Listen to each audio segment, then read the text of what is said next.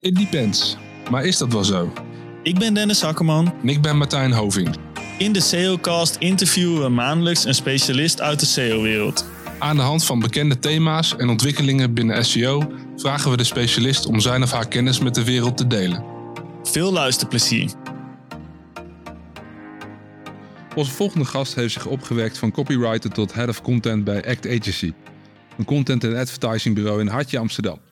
Hij was ook onderdeel van de Odido case dit jaar, een van de grotere migraties die we dit jaar hebben gezien. We zijn uiteraard benieuwd naar deze case, maar natuurlijk vooral naar Bouke's visie op SEO. Welkom Bouke van den Berg. Dankjewel. Hey Bouke, we beginnen eigenlijk vaak de podcast uh, ja, met even het uh, ontwikkelpad van jou te bespreken. Ja. Dus we zijn heel benieuwd, uh, hoe ben je zo in deze wereld terechtgekomen? Ja, bij, per toeval. En ik heb de school van journalistiek gedaan in Utrecht. Leuk. dan was ik in 2013 was ik klaar. En ik wilde heel graag Formule journalist worden. En dat was nog in het pre-Max Verstappen tijdperk. Dus ik was een van die weinige mensen die wel om vijf uur s ochtends in bed uitgingen om de Grand Prix van Japan te kijken. Um, en toen ben ik in mijn eerste stage op de school heb ik stage gehad bij het Noord-Hollands Dagblad, bij mij de regio. Um, en toen had ik daar een stagebegeleider en die stage ging hartstikke goed, was hartstikke leuk. En die stagebegeleider die freelancede wel eens voor een website over telefoons, allaboutphones.nl. En toen had die op een gegeven moment uh, een, redacteur nodig. En mijn stagebegeleider die uh, noemde mijn naam toe. Dus zo ben ik terechtgekomen bij een website die over telefoons schreef. Uh, dus daar ging ik nieuwsberichten schrijven over telefonie. Dus het laatste gerucht over de iPhone, laatste gerucht over de nieuwe Samsung, et cetera. En dat bedrijf, All About Network, dat was een online, online uitgever was dat. Dat deed ja, eigenlijk on the site, schreven ze teksten voor Tele2, schreef ze productteksten voor Webzen. Dat was voor mij de voorganger van mobiel.nl. Uh, productteksten en blogberichten voor Simio. En ja, ze hadden ook iemand nodig die dat kon doen. Dus toen ben ik eigenlijk dat ook gaan doen. En dat was eigenlijk mijn eerste aanraking met de wereld van SEO en pagina's vindbaar maken. En eigenlijk was dat binnen een jaar was dat mijn hoofd, waren dat mijn hoofdwerkzaamheden. Uh, dus toen was ik eigenlijk gewoon echt meer, niet meer echt een redacteur of een, of een journalist. Ik was echt gewoon SEO-copywriter eigenlijk. Ja. En vervolgens, uh, nou, dat bleef gewoon doen en dat ging goed. Klanten waren tevreden. En, maar op een gegeven moment begon ik me toch af te vragen van... Ja, ik vind het heel leuk dat een uh, marketeer bij een opdrachtgever van ons uh, het een leuke tekst vindt. Maar wat zegt mij dat nou eigenlijk? Want met alle respect, wat weten die nou van wat een goede tekst is? Dus ik wilde eigenlijk meer te weten komen over... Ja, is een tekst wel echt goed? En ja, hoe, hoe maak je dat meetbaar? Dus toen ben ik Um, ja, toch meer gaan verdiepen echt in, uh, in organische vindbaarheid en in SEO. En toen ben ik eigenlijk ja, ook uh, ja, daar gewoon cursussen in gaan volgen om daar gewoon meer kennis over op te doen. Om ja, te weten, beter te weten waar moet een goede tekst aan voldoen. Hè, zodat onze klanten betere resultaten boeken. Uh, nou ja, op een gegeven moment hadden we dat tekstschrijven hadden we echt wel onder de knie. En toen gingen de klanten toch ook langzaam aan ons vragen van... Hè, kunnen jullie meer? En ik zat inmiddels toen ook wel na te denken van hey, maar wat dat bureau doet voor uh, die klant, uh, zouden wij dat ook niet kunnen doen? Waarom bepalen wij eigenlijk niet wat de onderwerpen moeten zijn als wij daar creatief verantwoordelijk voor zijn? Ja. Dus um, ja, eigenlijk was het meer aan de hand daarvan dat ik echt die, die cursus ga volgen van oké, okay, ik moet dus leren om zoekwoordenonderzoek te doen. Mm -hmm. En ik moet leren hoe ik kan meten of resultaten goed zijn. Want ja, ik wist van niks. Ik was gewoon een ja, van iemand die was als journalist. Ik was dus ja. echt een pure schrijver, helemaal ja. niks technisch, eh, totaal niet handig met Excel. Uh, uh, en dat soort zaken. Uh, geen weten hebben van hoe je zoekwoordenonderzoek doet. Um, dus ja, daar eigenlijk een scholing in gedaan. En vervolgens konden we wel dezelfde onderwerpen voorstellen. En toen konden we ook zelf gaan meten van... oké, wat, wat doet de content eigenlijk uh, die, we, die we hebben gemaakt? Werkt dat? Ja, of werkt dat niet? Mm -hmm. Dus zo is het eigenlijk mijn, mijn pad. Waar moet een goede tekst voor jou voldoen? Dat hoorde ik net terug natuurlijk. Ja. Of destijds, zeg maar. Waar moest het destijds aan voldoen? Ja, toen was het wel echt, de, het zoekwoord moet daar terugkomen en daar terugkomen. Um, en ben ik eigenlijk best wel snel van afgestapt. Dat toch wel, ja, het moet gewoon zo goed mogelijk antwoord geven op de intentie die schuilt achter de zoekvraag. Ja. Uh, dus oké, okay, wat wil iemand die daarmee op deze term zoekt, wat wil die eigenlijk te weten komen? En dan, ja, mijn ervaring is dat je dan helemaal niet echt hoeft te kijken naar dit zoekwoordje moet daar terechtkomen, dit zoekwoordje moet daar terechtkomen. Wij, wij hebben eigenlijk altijd vanaf het begin gezegd, tekst is in eerste instantie gewoon voor de lezer en de zoekmachine volgt wel. Ik heb zelf wel Dus misschien een wat makkelijke SEO-visie. Maar ik geloof er echt in dat ja, de, de, de Googles, de Bings, die zijn zo slim. Uh, die begrijpen echt wel dat als de tekst gewoon goed mogelijk voor de mensen gelezen is, dat dat een goede tekst is. Ja. Hij vraagt zich of dat zo is natuurlijk, hè? Ja, het wel. ja, ik denk het wel. Kijk, ik zie gewoon wel de resultaten die we boeken en daar ben ik gewoon heel tevreden over. Ja. Uh, zonder dat we het echt gaan overoptimaliseren op bepaalde termen. Het moeten gewoon vooral teksten zijn die vlot lezen, die lekker lezen, die informatief zijn. Mhm. Die ook passen bij de, de, de stijl van onze klant. We hebben Odido uh, is het, het blog dat wij doen, dat is, uh, wordt door hun gerund vanuit het, het merkteam. Dus die willen Ja. gewoon echt het merk laden. Ja, die, dag, die gaan niet blij worden als tekst, eh, als het gorddroge SEO-copy is, die misschien goed presteert. Maar ja, wat gebeurt er dan vervolgens als mensen op de pagina zijn? Zijn ze er dan blij mee? Gaan ze wat meer interactie met de, met de opdrachtgever aan? Dat, ja, ik, kun, je- kun je ook wat vertellen over de research die daar vooraf gaat, zeg maar? Dus eh een tekst schrijven is natuurlijk één. Ja. Maar ik denk dat er best wel wat research aan vooraf gaat Ja. om daartoe te komen. dat kan ik zeker zeggen. Ja, we hebben bij Odido en Ben, moet ik daarbij zeggen, want daar doen we ook het blog voor. Uh, Mhm. want vroeger deden we de blogs voor T-Mobile, Tele2 en Ben. En nu dus voor de, eh, Odido en voor Ben. Ja, hebben we eigenlijk een hele vaste manier van werken. Uh, die, die is best wel gestroomlijnd, hè? want we hebben gewoon... De opdracht is heel erg helder. Elke maand moeten we voor Odido, moet ik het goed zeggen... 22 blogs schrijven en voor Ben 12 blogs. Ehm, dus in de eerste week van de maand, dat is, de ma ja, dat is eigenlijk de week dat wij eh, de, gaan meten wat de vorige maand heeft gedaan. Dan gaan we bijvoorbeeld ook kijken naar wat eh, stijgende pagina's waren en wat dalende pagina's zijn. Nou, ik vind stijgers altijd heel erg leuk, maar ik vind Ja. het nog veel interessanter om te zien welke pagina's zijn gedaald en waarom. Omdat je daarmee ook weer optimalisatiekansen eh, kan halen. En dan zie je bijvoorbeeld een blog dat vier jaar oud is. eh, ja, dat daar een x aantal bezoekers op kwijt zijn geraakt. Ehm, ja, dan ga je kijken van, oké, komt dat dan om, door verminderde zoekinteresse of komt dat door een lagere positie? In het geval van het laatste, ja, ga je, over, ga je kijken van, kan zo'n tekst weer geoptimaliseerd worden? Is er nieuwe informatie die we kunnen toevoegen? Dus ja, de eerste week is dan meten en dan in de eerste week, loop van de tweede week, eh, gaan we, doen we onderwerpselecties, gaan we zoekwoordenonderzoek doen om tot onderwerpen te komen. Ehm, ja, en dat doen we gewoon op heel veel verschillende manieren. In het begin, toen we net begonnen van al die blogs, was het eigenlijk heel makkelijk. Want je had een gigantisch onontgonnen gebied. Eh, je kon gewoon letterlijk eh, zoeken op de term iPhone. En je kwam weer tot allerlei eh blogsuggesties hè, van eh, voordelen van een iPhone. eh, iPhone eh, 15 camera.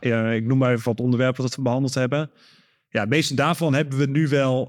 dat, dat is niet meer een hele makkelijke manier om tot nieuw onderwerp te komen. Dus nu is het gewoon veel content gap analyses. Gewoon kijken naar concurrentie. Wat, wat, doen, wat hebben die qua pagina's wat wij niet hebben? Ja. Kijken ook veel naar trends. Ehm, wat we ook wel echt wel elke maand doen, is gewoon kijken in downloadlijsten van apps. Van oké, welke apps zijn opeens heel veel gedownload en zijn die relevant? Mhm. Dus zo we blogs kunnen eh, schrijven over Be Real, die social media app. Nou, heeft Ja. zo heeft organisch echt goed gedaan, doet het nog steeds goed. Eh, hebben we ook eh, over Bolt, die taxi-app, kunnen doen. Komen we eigenlijk bijna elke maand wel tot een onderwerpselectie waar ja, geen zoekwoordonderbouwing aan zit, maar waarbij we gewoon op een andere manier zien dat daar stijgende interesse in is. Ja.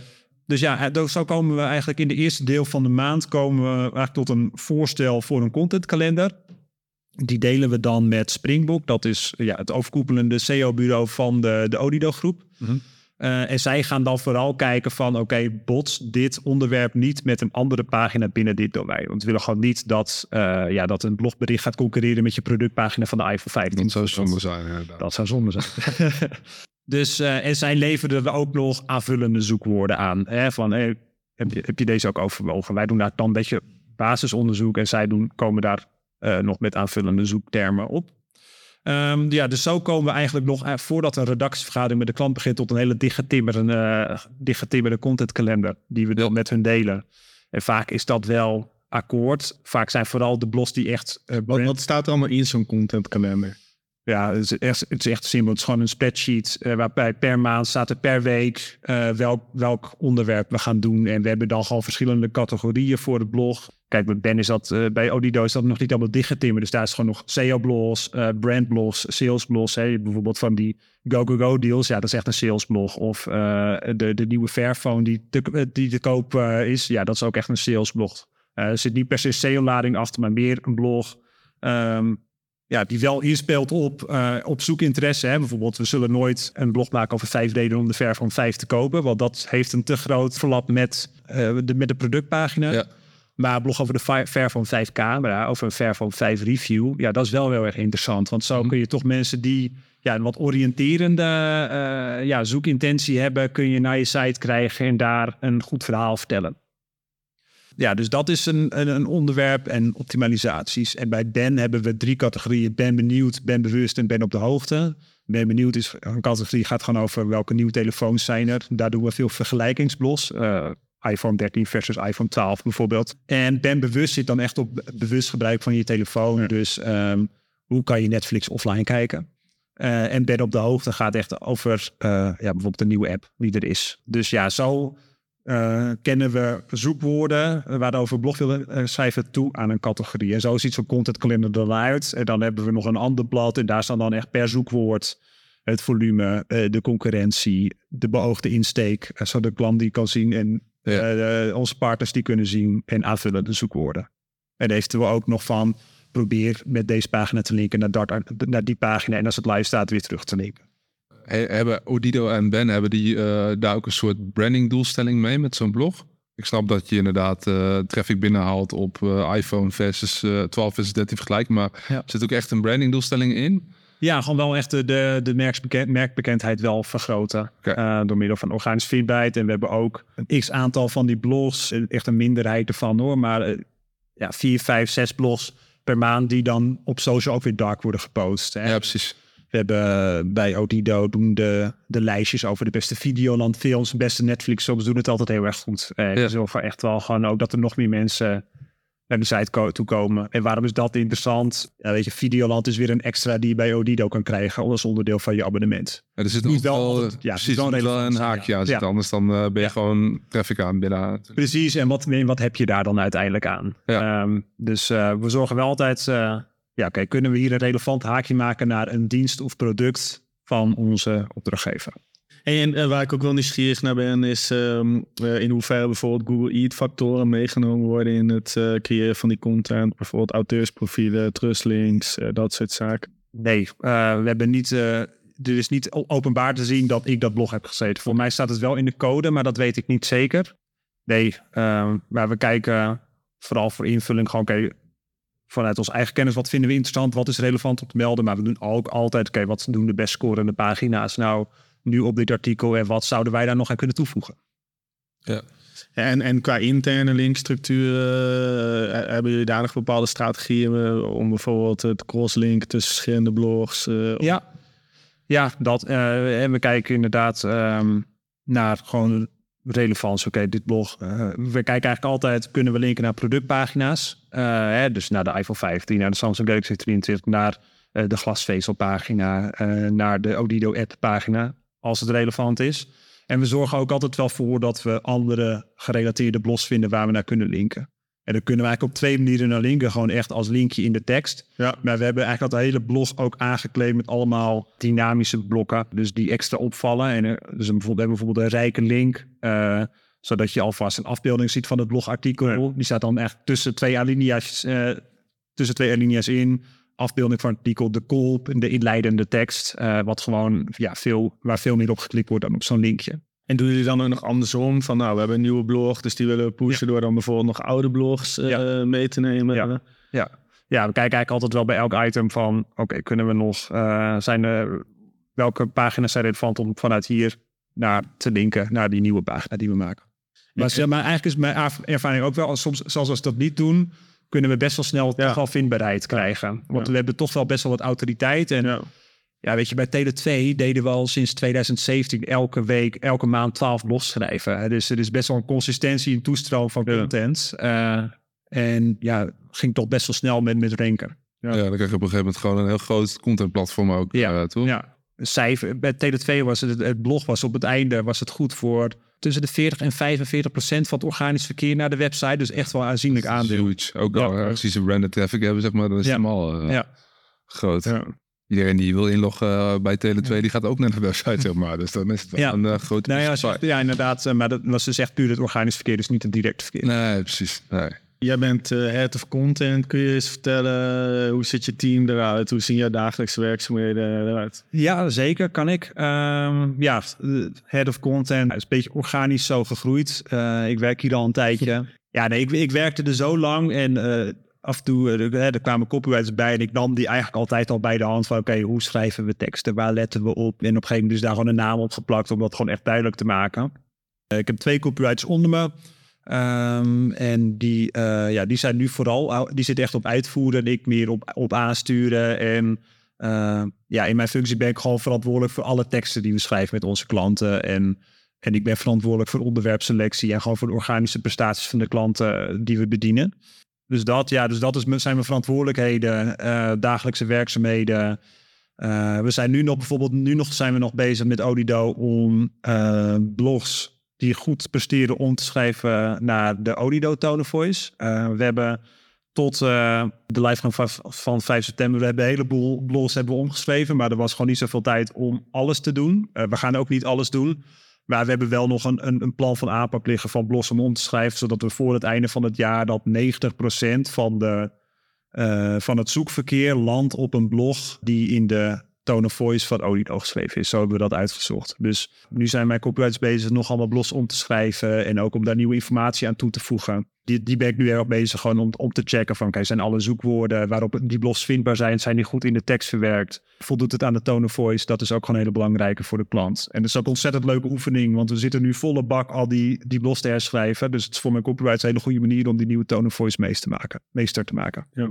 Uh, dit is ook wel een mooi uh, haakje naar 5 september inderdaad. Ja. Dan uh, Odido livegang, denk ik. Ja. Um, en de migratie van twee blogs naar Ja. één, denk ik. ja klopt. Kun, kun je een beetje vertellen waar dat begon, zeg maar? Ja, eh, nou, dat begon bij Odido zelf of bij T-Mobile zelf mij een jaar of twee geleden. Maar ik ben ergens april, begin mei onboord. En toen werd dus gezegd, oké, ik, wi- ik had wel vermoeden dat er wat zou veranderen. Ik heb wel een tijdje interim gelopen bij, eh, bij T-Mobile. En er gebeurde veel waar men niks over mocht zeggen. En dat vind ik dan toch wel leuk. en maar dat, dat bleek dus achteraf voorbij, bleek dat meer te maken hebben met de nieuwe abonnementen die ze hebben. Ze hebben dus nu een limited abonnementen waarbij je snelheidsverschillen hebt. Ja. Dat hebben ze nog niet super complex. Eh, ik ben blij dat ik daar verder niet bij betrokken was. Want ja, dat was gewoon een heel, heel, heel complex vraagstuk. Nee, dus maar bij mij werd toen eh, toevallig in de ruimte waar we nu zitten, en in het stille kamertje, hè, waar niemand zit, eh, want het was natuurlijk allemaal super geheim. Moest eerst een NDA ondertekenen. Toen nam Daniel, dat is een van de partners hier, me mee, want die was al wel onboord. Eh en die vertelde toen, eh, ja, er, eh, er wordt iets gekild bij, eh bij T-Mobile. En dat, is, eh dat zijn T-Mobile en Tele2. En die worden samen een nieuw merk. Naam mag ik nog niet vertellen. Dus we kregen gewoon interne naam Ello kregen we mee. En eh, ja, aan jou de schone taak om eens te kijken wat we met die blogs gaan doen. Wel goed om dan wel een eh, andere interne naam te gebruiken, omdat Ja. het niet uitlekt dan, zeg maar. Precies, ja, nee, dat, dat was ook precies de reden inderdaad. precies, Eh, ja. maar ik betrapte me er zelf in de weken daarna ook nog op dat ik echt heel vaak nog steeds Ello gebruik. Dat zat er zo in. Inmiddels is het echt wel Odido. Ehm, nee, dus ja, toen, toen begon het. En eh, ja, toen was eigenlijk eh, de instructie van oké, vijf stemmen gaat live, alles moet omgeschreven zijn. Nou, toen kwam ik al snel ben, ja, dat gaat hem niet worden. Want Nee. we beide blogs zitten gewoon op een contentberg van ja, om en nabij de duizend blogs per stuk. Ja, dat Ja. gaat toch niet gebeuren. Dus toen was het gewoon oké, pragmatisch, oké, wat kunnen we doen? En ja, dat was gewoon, ja, dat was eigenlijk het begin van het grote vraagstuk. Hè, van, oké, dus eh, alles moet mee. Eh, hoe haal je nou de blogs er dus uit die met elkaar gaan concurreren? Ja, ik online zoeken, ik kon eigenlijk niks vinden. Dus toen een beetje gaan uitdenken van, ja, hoe, hoe kom ik dat eigenlijk te weten? Eh, en toen kwam, weet een Search Console, weet ik, kan ik per pagina zien op welke zoekwoorden zijn die vindbaar. Oké, die data moet ik hebben. Maar volgens, ja, hoe ga ik dan in godsnaam eh, ja, eh, zoek het in die bestanden om, om, om de concurrerende pagina's te weten te komen? Ja, toen eh, kon ik ChatGPT op zijn blo- blote knieën bedanken. Want ja, wat ik net zei, ik ben geen spreadsheet held, absoluut niet. Nee. Maar ik kan wel goed mijn vraag formuleren en dat kwam heel erg goed van pas. Oh, dat is wel handig, Ja. ja. Dat was een van mijn vragen inderdaad. Heeft AI nog een rol gespeeld in dit eh, proces? Het was echt een, al een jaar geleden. Als we dit een jaar geleden hadden moeten doen, dan eh, zou ik niet weten hoe, hoe ik dat toen heb moeten doen. Nee, precies. Dan hadden we Nee. echt hulp in moeten roepen of zo. Ik echt geen idee hoe we dat hadden moeten doen. Ja, dat zit met name dan in eh, het onderzoeken welke blogs van Tele2 en T-Mobile Ja. een beetje cannibaliseren en één moeten worden. ja. we hadden dus op een gegeven moment. Dus ik, had, ik, ik had gewoon een spreadsheet, ehm, een Google Sheet bestand. En op een gegeven moment, dus ik had van elke pagina in van, van het T-Mobile blog had ik eh, de tien belangrijkste zoekwoorden naast elkaar. Eh, en voor elke pagina van Tele2-blog alle belangrijke, tien belangrijkste zoekwoorden bij elkaar. Waarom tien? Ja, je kan natuurlijk eindeloos doorgaan. Maar dacht ik, oké, daar heb ik het echt wel mee afgevangen. Daar haal ik echt wel de belangrijkste concurrenten eruit. Misschien Ja. zullen er nog steeds blogs online zijn die een beetje met elkaar concurreren. Ja, precies. Maar dat- je moet echt zijn lijn trekken. moet ergens een lijn vind trekken. tien al veel trouwens, hoor, maar goed. Ja, het was, nou ja, het was echt, eh, echt ja, puur pragmatisch. Oké, dit is werkbaar. Ehm, dus ja, en toen ja, moest, ging ik, pakte ik gewoon ChatGPT erbij en gewoon een vraagformulier. Oké, ik heb in blad A heb ik een lijst met, zoekwoorden, een lijst met pagina's met en, en tien belangrijke zoekwoorden. Ik wil dat je in eh, blad B dezelfde zoekwoorden opzoekt. En dan de URL die daarbij hoort daarvan plakt in, de, in, de, in, in blad A eh, eh, naast, de, ja, naast de match. Ja, en dat was een beetje trial by error, want dat ging met app-scripts en met JavaScript in je, in je Excel-bestand. Nou, je kan geen formules laten staan programmeren. Uiteindelijk is het toch gelukt en toen kreeg ik gewoon alle data naast elkaar. Toen konden we beginnen, toen kon ik Ja. gewoon, ehm, gewoon heel makkelijk formule maken van oké, deze pagina heeft acht eh, zoekwoorden die matchen met een concurrerende pagina. Eh, en toen kwam er eigenlijk wel heel werkbaar document uit van oké, dus eh, deze pagina heeft eh, van T-Mobile concurreert met die pagina van Tele2. En toen kon ik gewoon echt op paginaniveau kijken, oké, wat moeten we met welke pagina doen? Eh, en toen kwamen dus heel veel pagina's uit die we moesten samenvoegen. Maar we kwamen ook wel pagina's uit waar ik dacht, ja oké, maar dit blog is zo oud. Daar zit nul, nul inhoudelijk relevantie in om dat mee te nemen. Daar moet gewoon een redirect op komen. Ja, zo, zo ontstond er een plan van aanpak waarmee ik naar de copyrights kon. Ja, en ook naar mezelf trouwens, want ik heb zelf, ben zelf eerst begonnen, want eerst andere copyrights waren eerst, eerst nog niet on boord. Dus ik heb voor mij ja, de eerste 40 teksten heb ik, eh, heb ik herschreven of, of samengevoegd. de rol van AI. eh, Heb je AI ook gebruikt in... in eh, ik kan me gewoon voorstellen dat als je AI goed brieft... dat hij zelf ook wel een blog kan eh, schrijven. Ja, wijze natuurlijk wel overwogen. Maar nee, dat, dat durfden we niet aan. Waarom niet? Ja, je kan, AI kan hele, eh, ChatGPT kan hele goede teksten schrijven. Maar het kan, eh, je kan het ook tot op ze- zekere hoogte een, een bepaalde tone of voice aanleren. Ik kom Hm. bijvoorbeeld eh, echt wel in een dialoog dat ik een, een, een T-Mobile tekst door eh, ChatGPT kon laten omschrijven naar een Tele2 tekst, wat totaal anders is. Ja, eh, als een copywriter bij mij begint, dan eerst waar ik hem opzet was Tele2 van oké, ga los, ga experimenteren, ga doen. Maar ja, dat, dan, dan kom je uiteindelijk tot een gesprek wel tot een redelijke tekst die de buurt komt van Tele2, maar uiteindelijk ook niet echt. Dus dat, en dat is goed nieuws voor de copywriter, want ja, tone of voice is, hè, omdat eh, zo'n, eh, die, die blogs voor ons, een, eh, omdat het een merktoestelling heeft, een brandtoestelling, ja. Ja, is, is tone of voice ontzettend belangrijk. En dat blijft gewoon echt, nu is dat echt nog steeds mensenwerk. ja, precies. Ik krijg, eh, ik, ja, ik krijg ChatGPT nog steeds niet in het, in het window dat ik heb van oké, dit is een acceptabele tone of voice. En ehm, eh, dat vind ik ook wel interessant hoor. Toch even weer van AI af. Maar eh, jullie hebben dan samen ehm, eh, met Odido, of in ieder geval met Team Odido, bepaald wat de tone of voice moet zijn van. Nee, hebben wij niet betaald, bepaald. Dat is bepaald door Danielle van Hengst. Zij zat bij TBWA. En Anne Vollaert, zij is lead copy van de, de T-Mobile groep. Die Ja. zijn eigenlijk de, ja, Ja, de precies. godmothers van de tone of voice van, van Odido. En, en dan kun, kun je vertellen, voor, want wij zijn natuurlijk CEO's, eh, wat dan in dat geval van zo'n merk ook echt een tone of voice is, zeg maar. Waar bestaat dat uit? Ja, dat is wel een goeie. Ja, leg je dat uit? Dat vind ik altijd een lastige vraag. Want ik vind tone of voice, ja, het is heel belangrijk. Maar uiteindelijk wil elk bedrijf wil duidelijk zijn, vriendelijk, eh, bondig, geen poespas. Dat gewoon teksten meteen duidelijk eh, zijn. Maar toch is een Odido-tekst heel erg anders dan een T-Mobile-tekst. Ja. Odido is heel erg bondig, niet uitweiden. Hè? Je gaat bijvoorbeeld niet zeggen van... eh, dat is handig. Nee, je gaat door middel van het voorbeeld dat je geeft... eh, breng je het gevoel over bij de lezer dat het handig is. Snap je hem? Hey. Nou, oké. Ehm, Nee, ik wil wel als, je iets- iets, als je iets letterlijk benoemt Ja. eh, van hè, eh, dit is een leuke app, ja, dan is, is in principe de reactie van de lezer is van nee, sorry, maar dat maak ik zelf wel uit. Ja, en Odido zit heel erg op door, door goed de aandacht te leggen op hoe je iets omschrijft. Dat de lezer zelf de conclusie trekt van... hé, hey, dit is een leuke app. Dat is veel krachtiger als die emotie bij de lezer zelf krijgt... dan als jij zegt van, dit is leuk. Ja, dan voel je jezelf als lezer wat serieuzer genomen ook, lijkt mij. Maar? Precies, Ja. ja. En verder, het is echt eh, bondig. eh, geen bijvoeglijke naamwoorden bijvoorbeeld. Geen Engels taalgebruik. Alles zoveel mogelijk omzeilen. En dat is met SEO soms zelfs een uitdaging. We hebben niet een in de clinch gelegen hoor met ze. Want zij hadden ook niet tijd om al onze teksten te checken. Dus echt letterlijk de eerste drie, vier teksten die wij hebben aangeleverd... die zijn op of voice gecheckt. Daar kwam feedback uit waarmee wij verder konden. Eh, maar daar kwam bijvoorbeeld ook feedback op het blog van... eh, een van de belangrijkste blogs van ons is het blog van Thibaut over je telefoonnummer nagaan. Dus nou ja, die hebben we omgeschreven naar een Odido-blog. Die hebben ze gecheckt en daar wilden ze de term nagaan wilden ze daaruit hebben. Ja, daar ben ik voor gaan liggen. Want dat is juist precies de term waar mensen op zoeken. En zij zeiden van, ja, dit is geen B1-woord. De B1 is, leesniveau. Alle teksten moeten B1 zijn. Ja. Hè, zodat elke, eigenlijk bijna elke volwassene met een gemiddeld taalniveau de teksten begrijpt. Ja. Eh, ja, dat, dat, dat konden wij niet overnemen, want dan zouden we ons in onze SEO-voet schieten. Dus, en, maar dat kon ik ook prima onderbouwen van, ja, weet je, dit blog is geschreven voor mensen die zoeken op, letterlijk op de term telefoonnummer nagaan. Dus die weten waarover het gaat.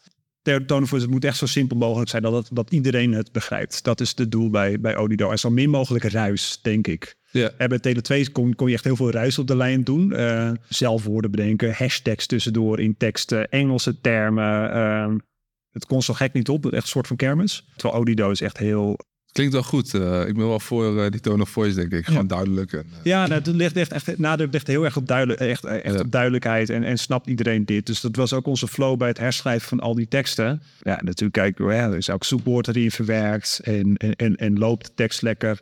Maar vervolgens haalden we elke tekst door een leesniveau checker gehaald om te kijken wat is leesniveau. En als het al B2 was, gingen we weer opnieuw naar de tekst kijken. En dan ging je eerst kijken naar comma's. Want eigenlijk hoeft een tekst hoeft helemaal niet per se comma's te hebben. Dat maakt een zin vaak onnodig lang. En dat, ja, dan kon je toch met best wel quick fixes het leesniveau weer eh, krijgen in het window wat je hebben wilt. ja. Dus dat is wel een flinke puist werk geweest, kan ik me Ja, voorstellen. nou, wat, wat echt heel Eh, moest, moesten jullie echt dag en nacht daarmee aan de slag? Of hoe hebben jullie dat gefixt? wel mee, veel mee. Was ik wel echt van, ja, eh, pizza, ze totaal weer... Nee, nee, gelukkig niet. Nee, gelukkig niet. Nee, het was de, de grootste stress voor mij zat hem echt in van... oké, hoe ga ik nou bepalen welk kom ik achter die concurrerende pagina's? En toen dat duidelijk was, ja, toen konden we gewoon... eh, kon ik gewoon samen met accountmanager Dionne... kon ik tot een plan van aanpak komen tot 5 september. Nou, dan, en waarmee we naar de klant konden gaan van luisteren. Deze blos hebben we voor 5 september af. En met deze blos hebben we twee derde van het organisch verkeer... eh, die nu naar, naar deze pagina's op Tele2 en T-Mobile gaat, hebben we daarmee afgevangen.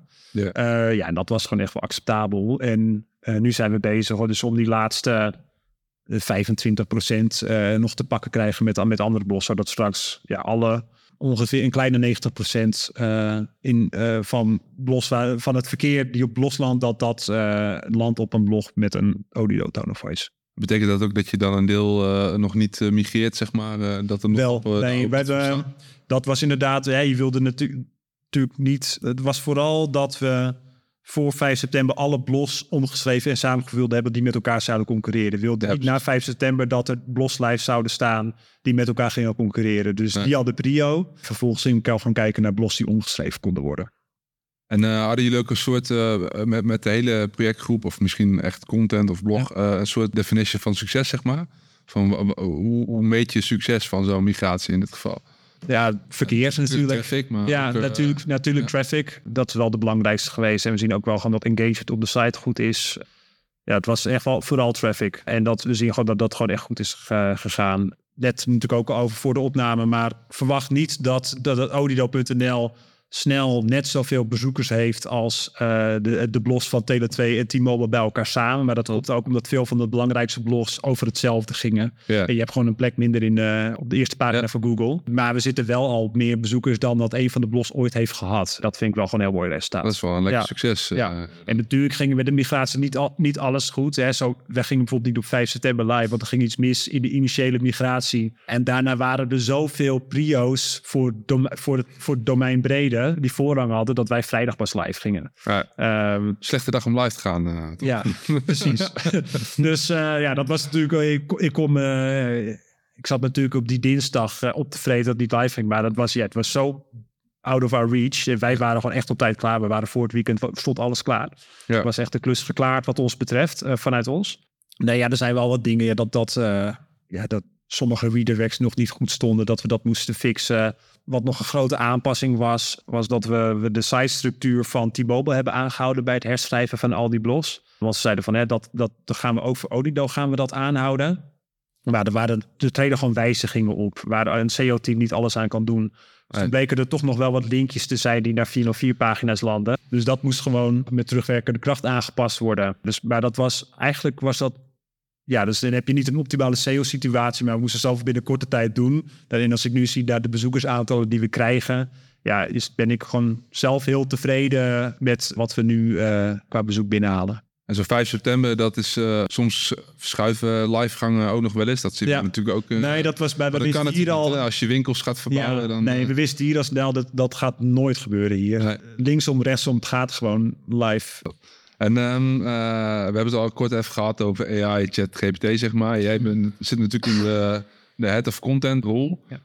Is er heel veel veranderd ook in je, werk? We hebben het net gehad over dat je tekst kan schrijven met ChatGPT. Maar Ja. is er ook inhoudelijk veel veranderd in, in hoe je werkt sinds november vorig jaar? Nee, ik kan vooral wat sneller mijn werk doen. En ik zie het, ik zie het echt als een soort van... Het versterkt de mogelijkheden met de kennis die ik heb. Mhm. Dat is het. Eh, ik merk heel erg dat als ik het inzet voor SEO of tekstwerkzaamheden... dat ik dan heel snel krijg wat ik wil. eh, omdat ik daar al heel veel verstand van heb. Maar als ik met eh appscripts aan de slag moest gaan... Ja, weet je, ik ben geen programmeur. Dus het is voor mij echt... Het had net zo goed Chinees kunnen zijn. Je, Ik heb geen idee. Ik, ik vraag gewoon blind op de instructies die het dan geeft. Mhm. Ja, dan ben ik echt wel langer bezig en zo. En uiteindelijk lukt het me wel. Maar het is vooral... Ja, het, het, het, veranderde mijn werk niet. Ik kan, kon meer meer doen. We konden meer leveren eh, wel aan onze klanten. En ik kan bijvoorbeeld briefings kan ik beter doen. Eh, hè, als we nu SEO-pagina's maken voor klanten. Ja, ik maak voor copywriters dan een briefing wat er allemaal in, in naar voren moet komen. Ja, dat kan ik nu gewoon sneller. Want ik ga ook gewoon kijken. Oké, we hebben een- focus zoekwoord. Hè, of in het geval van DTC lease, klant van ons. Eh, tweedehands auto leasen zonder jaarcijfers. Ja, ik ga gewoon eerst kijken wat concurrentie doet. En die links neem ik mee naar ChatGPT. Dus ja, ik lees, de- le- lees deze links en, en gebruik die informatie die daarin staat om tot een contentbriefing te komen voor een SEO-copywriter. Ja. Ja, er komt daar een, een goed startpunt uit. Ik kan het nooit klakkeloos overnemen, echt niet. Maar wel dat ik snel, en ik heb natuurlijk ook gewoon, ik vaar niet blind op ChatGPT. Ik gebruik gewoon vooral het als aanvulling op de, op de pagina die ik zelf al voor ogen heb. Ja. En ik vraag hem dan van, oké, welke informatie mist nog op deze pagina? Want je wil natuurlijk de zoekvraag zo volledig mogelijk beantwoorden. Dus Mhm. daar ligt natuurlijk de winst die je kan maken. Dus ja, daar vind ik het heel erg waardevol in. Hè? Dat kan ik natuurlijk ook aan mezelf gaan bedenken, maar dat duurt langer. Zo'n taalmodel zijn er natuurlijk echt super snel in. Ja. Hè, dat je ook gewoon letterlijk kan vragen, oké, wat zijn de vijf meest gestelde vragen die mensen eigenlijk hebben over dat onderwerp? Ja. Dat is ook echt super relevant, want dat heeft natuurlijk een gigantische bron aan tekst waarop het terug kan vallen, waar het die informatie uit kan halen. Ehm, dus zo kom ik eigenlijk tot hele rele- relevante FAQ's bijvoorbeeld, die ik dan toevoeg aan zo'n pagina onderaan. En eh, ben je ook, eh, ook in het licht van ChatGPT, maar misschien ook wel eh, wat gaat komen met veranderingen in Google, ook niet bang dat een deel van die informatievraag die je met blogs oppakt, gewoon al in ChatGPT beantwoord wordt? Ja, Stel je voor dat ik een eh, netnummer zoek, eh, Ja. eh, dat is altijd een beetje, eh, Ja. wij werken ook wel voor zakelijke telefonie. Ja, en mensen zijn altijd benieuwd waar 085 en 088 Ja, nou vandaan komen. En dat, dat is Ja. gewoon een algemeen nummer natuurlijk. Maar dat soort vragen kun je natuurlijk ook aan ChatGPT stellen.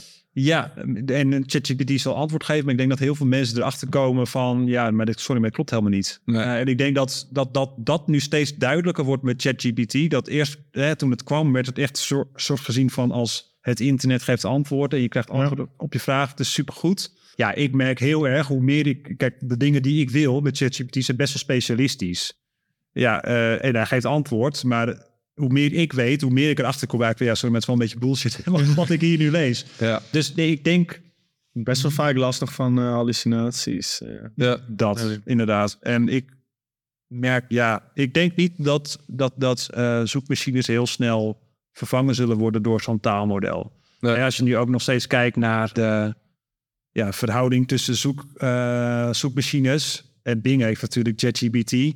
Ja, het aandeel is eigenlijk een soort van ongewijzigd gebleven. Gewoon 3% gebleven. Ja. het mooiste. Ja, misschien is het gebruik van ChatGPT ook alweer wat terugloopt, dacht ik. Ja, en als het natuurlijk psychologisch even die hype spike en dan eh, is het weer Ja, de vaders en de moeders die dat een keer willen testen, maar uiteindelijk Precies. ding blijven. Ja, En ik denk dat dat ook wel weer te wijten Ja. is waarom Google nu veel langzamer eigenlijk bezig is met die rollout. Hè. Die voelde zich natuurlijk Ja. eh, initieel heel erg in hun eh, ja dus existentiebedrijf. Ja. dachten ze, shit, we moeten eh, mega snel... Ja. eh, Nou, je hebt natuurlijk echt wel gas gegeven met Bart. Ja. En die Bart is natuurlijk best wel vroeg gekomen, denk ik. Als je, het was nog niet daar waar ChatGPT is.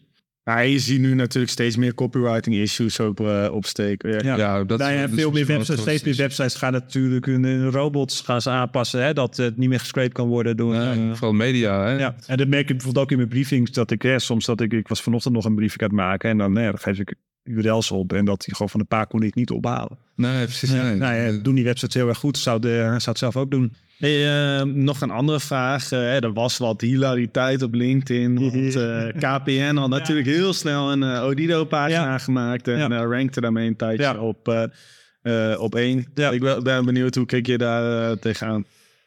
Ja, nee, ik zag natuurlijk ook die, die maandag ervoor. hij had natuurlijk intern ook app-contact erover. Van oké, het is uitgelekt. Het eerste wat ik had, dat ik dacht van. Ja, er waren zoveel mensen bij betrokken. De 16 uur voor livegang. Dat het pas is uitgelekt. Dat vond ik echt een beetje af. Ik had echt verwacht, nou, dat ligt echt veel eerder op straat. En daardoor was het nog steeds wel een krachtige lancering, denk ik. Maar toen dachten ze dat het Ella zou gaan heten. Dus, eh, Ja, ja nee, want er, er verscheen ook kortstondig iets op een fan-website van FC Utrecht. En Odido is natuurlijk de, de hoofdsponsor ervan. Dus die shirts gingen aangepast worden en zo. Maar dat was heel snel offline gehaald. Dus die heeft geen... eh, dat is bijna niemand opgevallen volgens mij. Ehm, ja, wat vond ik daarvan? Ik had zelf al dat ik dacht van... Oké, mensen die dus nu zoeken op Odido... die komen op die pagina terecht. Met wat voor gevoel blijven die mensen achter? Wat, wat zijn ze nou opgestoken? En wat is het sentiment richting KPN dat die mensen hebben? Ja, ik weet niet of dat positief was. Wat, wat, wat wilde KPN hiermee? Ik weet, en ik weet ook niet per se of ik dan hetzelfde had gedaan in hun positie. Ik dacht van, oké, eh kan je hier jouw sympathie voor je eigen merk mee of niet? Maar goed, ja, iedereen zijn eigen, eigen afweging, denk ik. Hey, eh, nog een andere vraag die we ook eh, eigenlijk altijd een beetje richting het einde van de podcast eh, eh, stellen. bij het einde? Ja, ja we gaan richting, het, eh, richting het einde. We hebben alweer bijna drie kwartier erop zitten. Wat is jouw grootste ja, SEO fuck-up geweest? Heb je die? Technisch hebben we hem wel eens eh, gehad. Ja, website live zetten met no index eh, er nog op. ja, door Google de content niet kan, eh kan Klassiekertje. Content voor de klant live zetten op de website van de andere. hebben die ook? Oh nee, dat heb ik wel gehad, ja. Ja, dat je dan... Ik eh, over mezelf. Ja, nee, eh, wel, wel eens een iPhone-lancering gehad voor Tele2 en T-Mobile, dat, dat het Tele2-blog live ging. Of, of nee, dat had ik dan in het Tele2-blog had ik linkjes naar de T-Mobile productpagina of zo. Dus toen stond Springbok natuurlijk meteen op de, Ja. op de stoep van, you, kun je dit even aanpassen? Ja, die fout heb ik wel gemaakt. Of inderdaad wel eens een, een blogbericht van de ene merk live gezet op het andere merk binnen de T-Mobile groep. Ja, die fouten, die fouten wel. Ja, ja, zijn dat blunders? Ja, misschien. Maar het was niet catastrofaal of zo. Het is niet, Het zijn niet, foutjes. ja, maar dat is natuurlijk ook wel. Ik, ik ben natuurlijk niet nergens echt verantwoordelijk voor een hoofddomein bij Odido. Ehm weet je, de technische migratie, dat was, ik, ik was inhoudelijk verantwoordelijk en niet verantwoordelijk voor hoe zo'n migratie dan technisch gaat en hoe dat qua SEO dan allemaal ingesteld wa- was. Ik had gewoon een redirect plan wel gemaakt van oké, het was eigenlijk een heel simpel plan. Want echt alles wat Tele2 blog, dat krijgt gewoon een automatische redirect naar precies dezelfde URL, maar dan eh, er staat er niet Tele2-blog voor, maar Odido-blog. Ja. Dus dat was heel erg simpel eigenlijk. Ik had verwacht dat het veel complexer zijn, want ik had nooit eerder een migratie gedaan. En moest ik gewoon zelf kijken van, oké, maar welke blogs heb- hebben we samengevoegd? Of welke blogs hebben we, heb ik gezegd dat moeten redirect zijn? En die moest ik dan handmatig toevoegen. En Ja. dat was wel gewoon goed gegaan, gelukkig. Ja, dat valt mee, toch? Ja, Ja, dat valt... eh, Nee, dus nee, dat was, ja, het was inhoudelijk ging dat uiteindelijk gewoon heel erg goed. Er was veel stress in het begin van, hoe gaan we dit godsnaam doen? En naar van, oké, weten wat we moeten doen. En toen we gewoon die teksten moesten knallen, ja, weet je, dat, ik, ik, doe, dat, ik doe dat al negen jaar en, en voor de klant al eh, zes jaar. Ja. We weten gewoon, ja, we zo op elkaar ingespeeld, zoveel vertrouwen bij de klant, dat we gewoon, ja, gewoon, we wisten gewoon wat we moesten doen. We wisten wat we moesten doen om de klus te klaren. We hadden gewoon een passende planning. Dus wa- was er ook niet meer echt sprake van stress, was gewoon doen. Dus daar is gelukkig niet zo catastrofaal veel mis. Zijn natuurlijk wel dingen misgegaan. Maar niet dat heeft geleid tot ja, gigantische blunders of zo. Maar als je het echt inderdaad hebt over, over foutjes, dan zijn dat wel van die verkeerde linkjes naar het, het, het, per ongeluk naar het andere domein. Omdat je gewoon een ja gewoon snel iets live wil hebben. Hey, en ehm, stel dat ik eh, het SEO-vak in wil rollen, of het. SEO-content-vak. Ja. En eh, ik heb daar nog weinig kaas van gegeten. Ik Ja. kom net van school. Wat, wat raad jij dan aan? Eh, hoe, hoe kun je dat het beste leren? Hangt Jij er vanaf. zelf ook gedaan. Dus, Ja, hangt er vanaf. Ja, weet je, wil je technisch gaan doen of wil je eh, creatief gaan doen? Technisch zou ik niet weten, want ik ben zelf niet echt een technische SEO-specialist. Eh, creatief zou ik gewoon zeggen, ga schrijven, ga veel schrijven. Ga schrijven over wat je leuk vindt. hou gewoon de, de algemene instructies voor SEO-tekst schrijven in acht. Uh, hè, dus uh, zorg dat focus zoeken terugkomt in de A1-kop, in de intro, in 2 A2-kop, uh, een metatitel, metadescription, de, de bekende. Maar focus je gewoon op het, op, op het schrijven van een mooie tekst die leuk is om te lezen, die, die enthousiasmeert, hè, die zorgt ervoor dat mensen ja, geengaged worden, in goed Nederlands. En ja, vind iets leuks om over te schrijven. Ga het gewoon veel doen en ga experimenteren met, ja, met, met, met, met zinnen, met, uh, met stijlen. Uh, zodat je wat een, een fluïde copywriter wordt die heel makkelijk tone of voices eigen maakt. Ik vond het bijvoorbeeld op een gegeven moment echt heel leuk om de uitdaging om aan mijn snelheid te werken. Omdat het gewoon echt super waardevol is voor een bureau. Maar ook als je freelanced. Want je hebt een freelance maak je gewoon ja, vaak gewoon, een, je, je rekent drie uur voor een blog of zo. Maar ja, als jij gewoon een, een uur tijd een kwalitatief goede blog kan, kan neerzetten, omdat je gewoon getraind bent en je focus je op je snelheid, maar ook op de kwaliteit. Ja, dat zijn, dat, ik denk dat dat, dat vind ik zelf altijd interessant. Dan reken je een uur? Of? Nee, maar je kan daardoor wel gewoon... Uh, Efficiënter worden. Ja, en scherp, zij, je scherp aanbieden richting, uh, richting opdrachtgevers. Zeker als freelancer. Hoe is het uiteindelijk met je Formule 1 schrijf... Uh... carrière verlopen? Uh, toen ik begon met werken, de, hè, want ik, ik werk nog steeds bij mijn eerste baan. Toen de, ik, ik heel lang voor dat Formule 1 magazine. En ik was daarvoor was ik hoofdredacteur van, van, eigen, van een Formule 1 website. Ja, dat was gewoon altijd in de weekenden en zo. En eigenlijk viel het toen samen dat ik en fulltime hier aan het werk ging. En ik kreeg een relatie. En die zei toen van, joh, zou je niet in het weekend ook een keer iets met mij willen doen? Nou ja, dat had ik inderdaad ook, had ik ook wel oren naar. En ik schreef toen al tien jaar over de Formule 1. En ik geloof het wel, weet je. Ik kan nog steeds een persbericht helemaal uittekenen wat er allemaal in staat. En ik zag, ja, weet je, daar, daar zat gewoon geen toekomst in voor mij. Dus het jaar dat voordat Verstappen begon, ben ik uitgestapt. En ben ik het gewoon lekker als, als liefhebber gaan volgen. En dat doe ik nog steeds. Uh, kijk, ik kijk nog steeds elke race. Niet altijd meer live, omdat het altijd op zondagmiddag is. Ben ik vaak op het strand of in duin met kinderen. En kijk ik s'avonds lekker alle rest terug. Telefoon op vliegtuigstand. En dan uh, lekker de race kijken. Top. Nou, daarmee zijn we ook uh, aangekomen bij het einde van deze podcast. Bedankt. Ja, ja jullie interessant. Ja, dank voor de uitnodiging. Ik vond het echt leuk om uh, met jullie te praten.